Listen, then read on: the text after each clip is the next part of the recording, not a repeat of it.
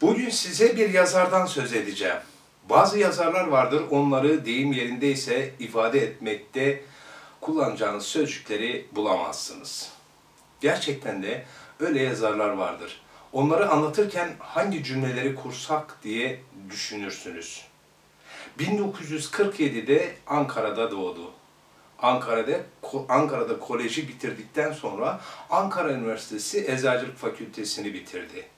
1970'li yıllarda Londra'ya gitti. Londra Üniversitesi'nde kariyer yaptı.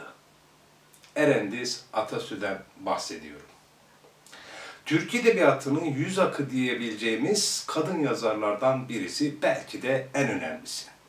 1970'li yıllarda Londra'dan memleket özlemini gidermek için Türkiye'ye arkadaşlarına uzun uzun mektuplar yazdı.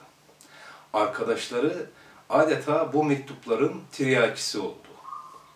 Ama 1970'li yıllarda yazılan o uzun mektuplar bugünkü yazar Erendiz Atasun'un yazar olmasındaki tohumları idi diyebiliriz.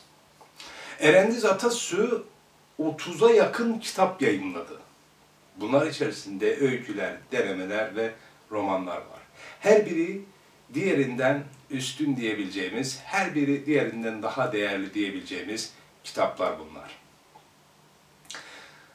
Erendiz Atasu'yu feminist yazar diye tanımlar birçok edebiyat çevresi. Ama ben feminist kavramının toplumdaki algılanış biçiminden hareketle ben birçok eleştirmen gibi ona kadın hakları savunucusu yazar demeyi tercih ediyorum. Şayet bugüne kadar Erendiz Atasü'den herhangi bir kitap okumamış iseniz emin olunuz ki çok şey kaçırmışsınızdır.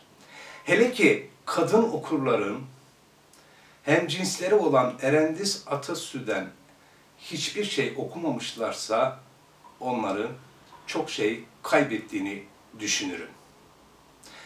Erendiz Atasu 1981'de Akademi Kitabevi ödülü kazanıyor bir öykü dosyasıyla. 83'te o dosya yayınlanıyor ve 83'ten itibaren artık edebiyatın içerisinde bir yazar olarak varlığını sürdürüyor. Bugün size bu yazarla ilgili birçok kitap var. 30'a yakın kitabı içerisinde ki en son bir öykü ve bir deneme kitabı da yayınlandı. Ben sadece bir deneme kitabından söz edeceğim. Daha sonra da bir romanını bu videolarda değerlendireceğim.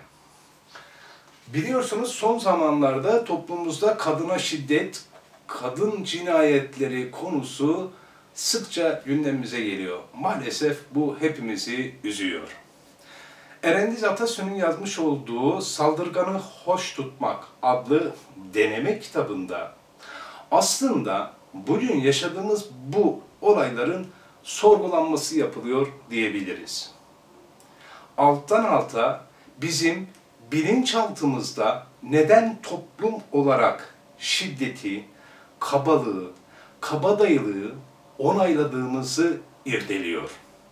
Böyle bir durumumuz var değiştiremeyeceğimiz bir gerçek. Ama bunun nedeni nedir?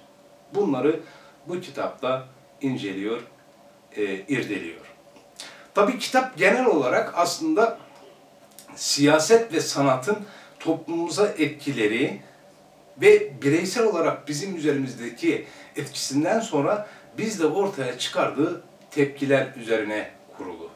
Onun için ben Saldırganı Hoş Tutmak adlı kitabı size öneriyorum.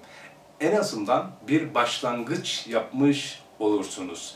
Bir dahaki videoda size yazarın bir romanından bahsedeceğim. Umarım faydalı olmuştur. Sizden bir ricam var. O ricam da şu. Lütfen alttaki abone olunuz butonuna basınız. Keyifli okumalar diliyorum.